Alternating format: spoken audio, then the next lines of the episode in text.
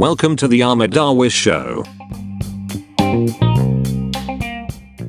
بعد ما حددنا المشكلة وحددنا الحل اللي افترضنا إن هو مناسب وبيقدم قيمة مبتكرة لحل المشكلة دي وحددنا الجمهور المستهدف للقيمة دي اللي هنقدمها والمفروض اننا اختبرنا الحل ده ومدى ملائمته للسوق ولقينا الحل بتاعنا لاقى قبول عند جمهورنا المستهدف. هنبدأ دلوقتي في تصميم وتطوير ال MVP أو ال Minimum Viable Product اللي هو الحد الأدنى من المنتج. الكلمة دي هنسمعها كتير لازم نبقى فاكرين إيه هو الحد الأدنى من المنتج اللي هو الويب أو ال mobile application اللي من خلاله هنقدم القيمة دي زي ما اتفقنا في الحلقات اللي فاتت بس بأقل مميزات في الإصدار الأول. البداية الصح هتكون كالتالي. أول حاجة حدد الفئات المختلفة من المستخدمين اللي هيستخدموا التطبيق بتاعك. تاني حاجة حدد الهدف الرئيسي لكل فئة من الفئات دي لأن كل فئة منهم بتستخدم التطبيق بتاعك عشان تحقق مهمة معينة. إيه هي بقى؟ في أهداف فرعية ممكن تخلي المستخدمين كمان يحققوها من خلال التطبيق بتاعك. اكتبها. كل الأهداف أو كل هدف من الأهداف الرئيسية أو الفرعية دي عشان يقدر المستخدم إن هو يحققه لازم هينجز مجموعة من المهام الصغيرة أو يمشي في مجموعة من الخطوات. حدد الخطوات دي. بعد كده بعد ما حددت كل ده حاول ترسم شكل بياني أو دايجرام يوضح كل فئة من المستخدمين دول والخطوات اللي محتاج يمشيها على التطبيق بتاعك علشان ينجز الهدف الرئيسي أو الأهداف الفرعية بتاعته. وأخيرا حدد الأولويات في الأهداف والمهام اللي أنت عايزها تكون موجودة في التطبيق بتاعك. يعني قسم التطبيق بتاعك في شكل إصدارات. تخيل كده إن هو هتنزله في شكل إصدارات. ابدأ قول والله الإصدار الأول هنزل الأهداف دي أو هنزل المميزات دي في الإصدار التاني المميزات دي وهكذا. ما ينفعش يبقى كله في أول إصدار. وممكن تقرأ أكتر عن حاجة اسمها ال user story وإزاي تكتب user story وإزاي تحدد ال epic وال story وال task بس طبعا دي تفاصيل شوية فنية ممكن مش ما يكونش ضروري إن أنت تدخل فيها دلوقتي. كل المطلوب منك إن أنت تركز في القيمة اللي أنت بتقدمها وما تدخلش في عمق التفاصيل الفنية في المرحلة دي. ممكن بعدين. لحد هنا أنت تقدر تنسق كل المخرجات بتاعتك دي في شكل ملف Word بشكل مناسب وتبدأ تبحث عن شركات البرمجيات اللي انت شايفها مؤهلة لتنفيذ المشروع بتاعك أو الحد الأدنى من المنتج اللي هو ال MVP بتاعك. وباختصار إزاي تحدد شركة البرمجيات المؤهلة لتنفيذ التطبيق بتاعك من المعايير المهمة اللي ممكن تساعدك في اختيار شركة البرمجيات اللي هتساعدك في تنفيذ المشروع. اعمل أول حاجة scoring sheet وحدد فيها درجة معينة لكل نقطة من النقط اللي جاية اللي أنا هتكلم فيها. بعدين بعد ما تقيم عروض الشركات اللي هتعرض عليهم المشروع بتاعك قيم كل شركة بناء على ال scoring sheet بتاعك. الخبرة وسابقة الأعمال. لو الشركة دي منفذة مشروع مشابه في درجة التعقيد للمشروع بتاعك يبقى دي نقطة تتحسب لصالحهم. وبس لاحظ إن هو مش شرط يكون نسخة طبق الأصل من المشروع بتاعك. طيب تاني نقطة الاستقرار والتواجد. الشركة دي موجودة في السوق من إمتى؟ هل في شركات كبيرة بتتعامل معاهم ولا لأ؟ تالت نقطة فهم المشروع. مدى فهم ممثلين المشروع ممثلين الشركة دي للمشروع المطلوب؟ يعني هل فهموا المطلوب بسهولة زي ما انت لما حكيته أو قدمت ال document بتاعتك؟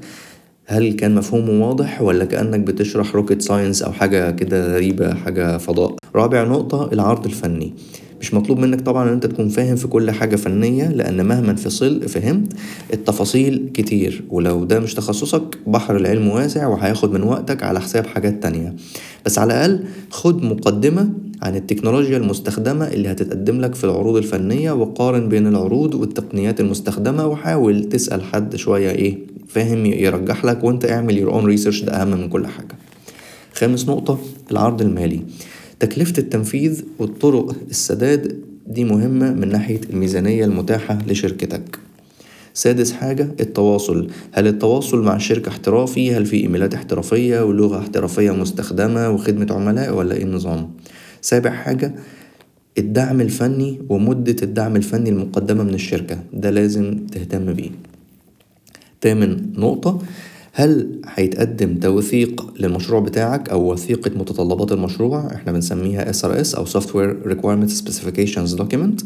هل ده هيكون موجود ولا لأ؟ وده برضو بيتعمل له بيبقى داخل من ضمن ال scoring بتاعك. تاسع نقطة هل هيتم العمل على المشروع بطريقة ال waterfall ولا ال agile scrum في إدارة المشروع؟ وباختصار وبدون أي تفاصيل فنية waterfall يعني هيبدأ التنفيذ ويسلمك لما يخلص خالص في نهاية المدة سواء شهر أو عشر شهور. ال scrum يعني هيدخلك معاه في القرارات ويتابع معاك أول بأول ويسلمك جزء من المشروع كل فترة صغيرة خلينا نقول مثلا كل أربع أسابيع. نصيحتي اختار اللي هيشتغل على ال project بتاعك بطريقة ال scrum أو ال agile scrum وممكن تقرأ أساسيات إدارة المشاريع البرمجية باستخدام طريقة agile scrum برضو دي حاجة من النقط اللي محتاج تعمل عليها research النقطة العاشرة والأخيرة دورة تطبيق تطوير البرمجيات اللي هيمشوا فيها في مشروعك إزاي؟ الطبيعي وبرضه بدون أي تفاصيل فنية باختصار أول حاجة المفروض يمشوها هي تجميع المتطلبات بعدين تحليل المتطلبات بعدين توثيق المتطلبات بعدين تخطيط المشروع وتخطيط جدول تسليم المتطلبات في شكل نسخ وإصدارات مصغرة. التخطيط ده بيكون بناء على الأهداف الرئيسية والفرعية والأولويات اللي أنت محضرها زي ما اتفقنا وبناء على رؤية مدير المشروع بتاعك في الشركة والاتفاق بينكم. المرحلة اللي بعد كده تصميم تجربة المستخدم بعدين تصميم واجهة المستخدم بعدين البرمجة بعدين الاختبار بعدين التسليم وبعدين نرجع تاني لمرحلة آه تخطيط آه، الإصدار اللي جاي. بعدين التصميم التجربة تجربة المستخدم تصميم واجهة المستخدم والبرمجة والاختبار والتسليم. ونرجع تاني النقط دي تتكرر تاني. كل إصدار مصغر هيطلع لك.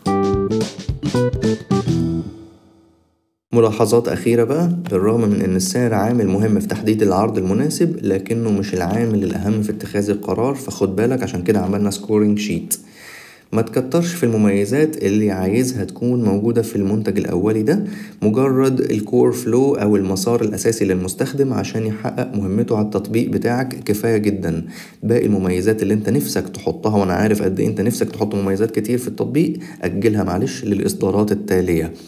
افتكر إن المهم في المرحلة دي إنك تنزل السوق في أسرع وقت بأقل تكلفة وتحقق الهدف المطلوب من التطبيق بتاعك في المرحلة دي بدون أي رفاهيات. وده هيساعدك كمان إن أنت توفر في تكلفة المميزات اللي أنت عايز تضيفها بعدين. وممكن تكتشف بعدين إن في مميزات أنت كنت عايزها السوق مش محتاجها.